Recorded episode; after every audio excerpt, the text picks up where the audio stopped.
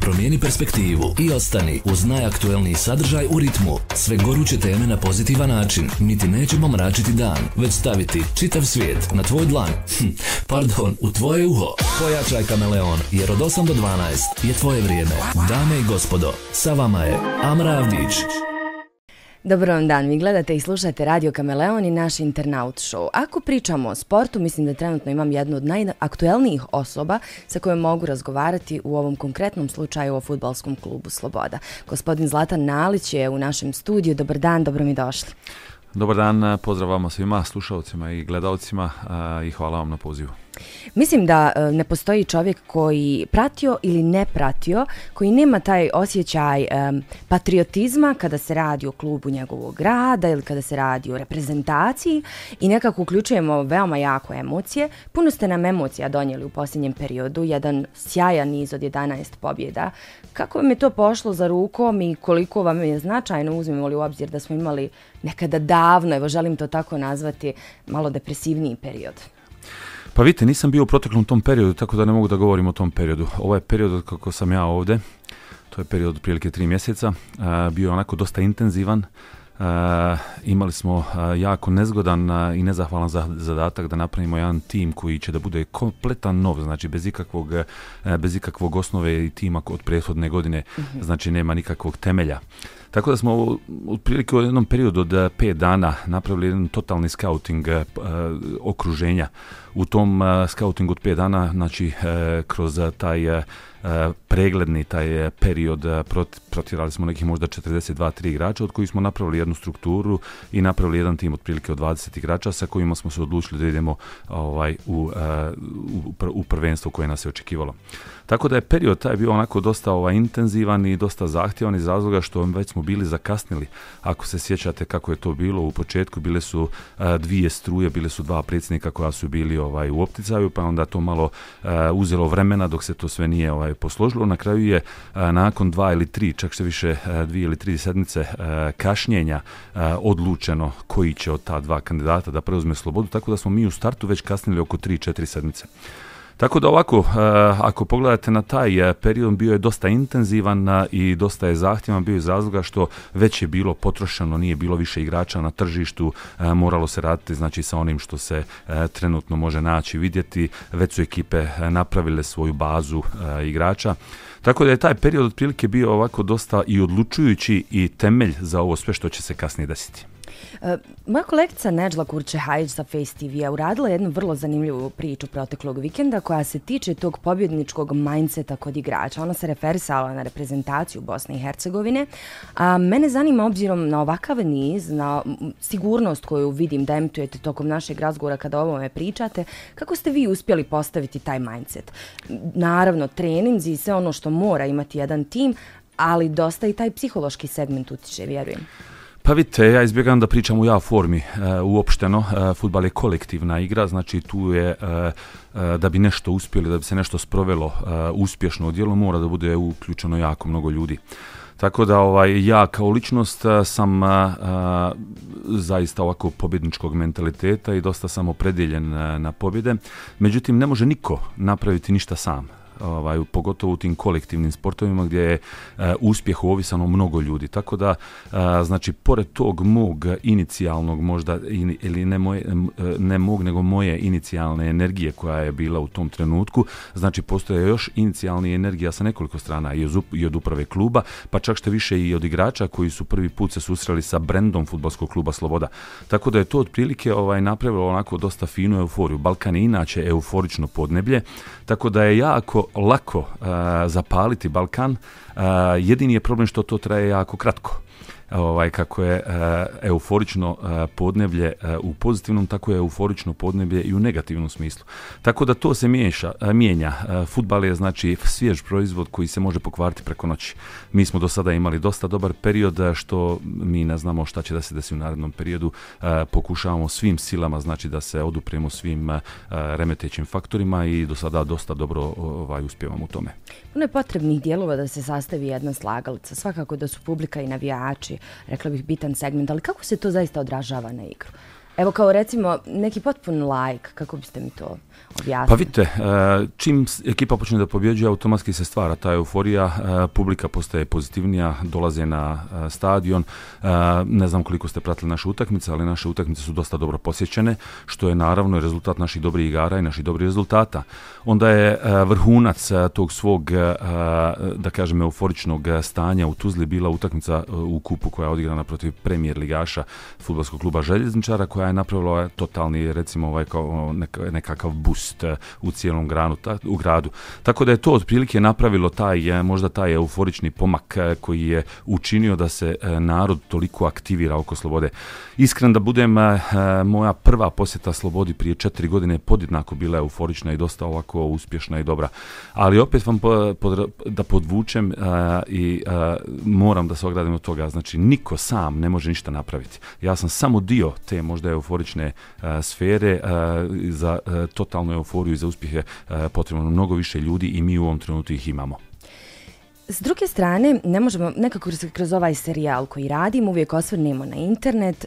Um, vi za sada imate upravo ovim nizom samo neke pozitivne emocije, komentare, vjerujem. Međutim, ja kažem, kada pobjeđujemo, sasvim je negdje prirodno da se ljudi raduju, da imaju samo pohvalne komentare. S druge strane, koliko društvene mreže mogu uticati sa negativnim komentarima na sam tim, um, na nekakav optimizam koji se ima pred utakmicu i kako komentarišete pojavu sve više pa pod navodnim znacima futbalskih komentatora na društvenim mrežama? Pa vidite, futbal je specifična uh, vještina, znači specifičan sport dostupan je upravo svima, zbog toga možda i jeste ovaj toliko atraktivan i toliko ovaj popularan. Uh, Futbal je recimo nešto što a, je dostupno svim znači ljudima koji nikad u životu nisu ni vidjeli futbal ni gledali izbliza i šta ti ja znam daju im mogućnost da ovaj a, diskutuju i komentarišu što je potpuno okej. Okay. Ako a, uzmete i pogledate, ja sam upravo gled, neki dan gledao u jednom onako a, miljeu, u jednom a, a, restoranu, s obzirom da a, je emitovana utakmica između Manchester City-a i Manchester Uniteda, koji je bio ovaj znači jedan od najvećih derbija koji postoji. I u tom restoranu recimo meni kao profesionalnom treneru je bilo jako simpatično slušati narod e, i ko e, komentare i upute koje daju recimo Halandu i ljudima koji su profesionalno na tom najvišem nivou a, i čak što više te pogrdne komentare ovaj negativne a, znači hoću da kažem koliki je raspon između recimo upravo tog ljudi koji su recimo kojima je dopušteno da diskutuju taj nivo futbala i ljudi koji se aktivno i profesionalno bave na tom nivou. Tako da to je onako dosta specifično. A da se vratim na vaše pitanje, mislim da su socijalne mreže sasvim e, ok i doprinose zaista jačanju sve jednog brenda ukoliko se koriste ispravno i tako dalje. Međutim, eto, pojavom tim negativnih komentara tih botova i jako često se dešava, vi znate da ne mogu svi da budu ovaj zadovoljni i sretni zbog nečijih uspjeha. Onda se tu malo ovaj rađa malo nekakve ljubomore tamo vamo i onda svako ne, e, ima nekog svog pratioca na nekom Facebooku ili šta ti ja znam koji ovaj kontinuirano negativno priča o nekim ljudima. Tako da recimo i moji igrači vjerovatno znači imaju a, nekoga koji ih e, čito vrijeme a, prati kroz to sve i tako dalje. Šta hoću da kažem, u svijetu, odakle ja dolazim, ja dolazim iz Evrope, ja sam inače u Švedskoj, to je uzeto kao jedan od najvećih problema i čak što više e, razmatra se taj problem na reprezentativnim nivoima, e, gdje klubovi, gdje reprezentacije zauzimaju znači svoj stav po pitanju socijalnih mreža, e, komentara i tako dalje. Tako da recimo postoji jedan polisi u svijetu koji jasno daje do znanja šta i dokle nogometaši smiju i koliko daleko mogu da idu sa tim socijalnim mrežama, sve dok ne počne da narušava njihovo samopouzdanje i njihovu performansu, to je ok, međutim čim se počne osjetiti da to počne da narušava njihov e, taj, e, kako se zove, performance, e, odmah se tu ovaj ide na neku vrstu pomoći ili na neku vrstu prijesjeka kontakta sa socijalnim mrežama.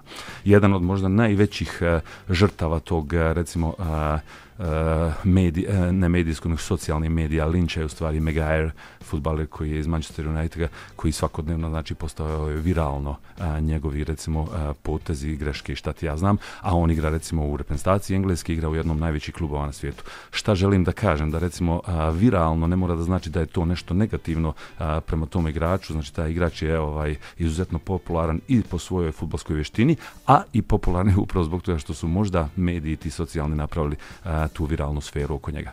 Vratit ću se još jednom kratko na ovaj sjajan niz. E, kako pravite balans, kako držite igrače onako čvrsto sa nogama na zemlji da ih ove pobjede, pa uslovno rečeno, ne, ne uznesu? Pa vidite, ja sam, to je coaching, znači liderstvo, to je nešto što se uči znači, i na fakultetu i uči se i na edukacijama i tako dalje. Tako da svi smo mi svjesni da u nogometu, znači i u svim, e, i, i, i, i svim poslovima, nebitno da li to u sportu ili negdje, da postoje recimo e, e, podizanja i padanja, da imaju recimo kako zove pozitivne, dobre neke rezultate, dobri periodi, neki slabije periodi. Zbog toga je vrlo bitno recimo da se nađe neki objektivan balans stvarnog kvaliteta ekipe u ovom našem trenutku, znate kako čim se odigra nešto dobro, odmah si najbolji, čim jednu utakmicu izgubiš, odmah si najgori.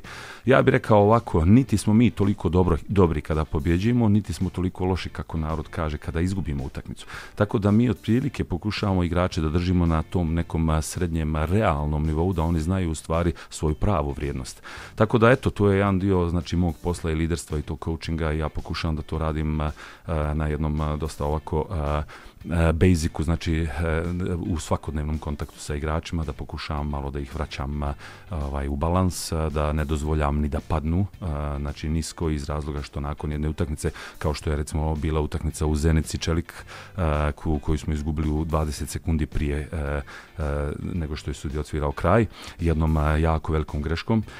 Znači, moj posao je bio sedam dana da ih vraćam u život, a ne da ih ponovo ranjavam, jer oni su ranjeni nakon te utakmice. Tako da, eto, to je u stvari stvari eh, jedan dio eh, mog svakodnevnog posla. Pa rezultati kažu da vam sjajno ide. Eh, I evo za sam kraj šta su neki postavljeni ciljevi u bližoj budućnosti kada je riječ o futbolskom klubu Sloboda? Pa vidite, vi ako pogledate ovako eh, svuda okolo čućete eh, jedan izraz eh, da je za slobodu vezana recimo kako se izreka kaže ekspresni povratak u ovaj u najbolje najbolju ligu, to je Premijer Liga Bosne i Hercegovine. Međutim to je onako jedan izraz koji je nametnut u samoj kampanji predsjednika kada su se borili koji će da dođe na vlast. Tako da ekspresni povratak je jako čudna riječ koja meni ovako smeta iz razloga što vidite mi ne igramo protiv štapa topova zabodenih na terenu, nego imamo proto je dosta dobrih ekipa. A, vi znate da je futbal a, živa igra, znači gdje se u toku 90 minuta svašta dešava. A da ne govorim šta se sve može desiti za 90 minuta, za, ne 90 minuta, nego za, da, za cijelu godinu, znači za 30 i nešto utakmica, koliko treba da se odigra u ovom a, kompletnom ciklusu. Tako da šta želim da kažem, znači a, moramo biti svjesni da je to proces od 30 utakmica koji moramo da podijelimo ispravno i da pobedimo iz tih 30 utakmica što više segmenata kako kako bi na kraju uh, skupili najviše bodova i da se plasiramo znači u Premier ligu gdje zaista želimo da idemo. E, međutim, e, ne bih želio da prihvatim to ekspresno vraćanje iz razloga što ljudi moraju da, da shvate da mi igramo zaista protiv jako dobrih klubova, jako dobrih timova, jako dobrih futbalera i da će to da bude jako neizvjesno do posljednjeg znači izvižduka sudije tamo negdje u maju mjesecu kada se bude ovaj već znalo ko će da ide u Premier ligu. Ja se iskreno nadam da ćemo to biti mi iz razloga što imamo tu želju, imamo taj cilj, imamo dovoljno dobru organizaciju, podršku uprave, imamo ovaj tim koji ćemo vjerovatno još malo pojačati sada u zimskom periodu, tako da otprilike to jeste cilj s tim što ovaj vi znate ciljeve je jako lako postaviti, put je vrlo bitan. E, tako da se ja, ja sam koncentrisan isključivo na put do cilja, a neko drugi ko postavlja ciljeve, ciljeve to je ovaj, već njihov posao. Ja nam, da ne kažem vam, nego nam to od srca i želim i hvala vam mnogo što ste bili moj gost. Hvala i vama na pozivu, pozdrav svima. Hvala i vama još jednom i ostanite uz Radio Kameleon. Promijeni perspektivu i ostani uz najaktuelniji sadržaj u ritmu. Sve goruće teme na pozitivan način. Mi ti nećemo mračiti dan, već staviti čitav svijet na tvoj dlan. Hm, pardon, u tvoje uho. Pojačaj kameleon, jer od 8 do 12 je tvoje vrijeme. Dame i gospodo, sa vama je Amra Avdić.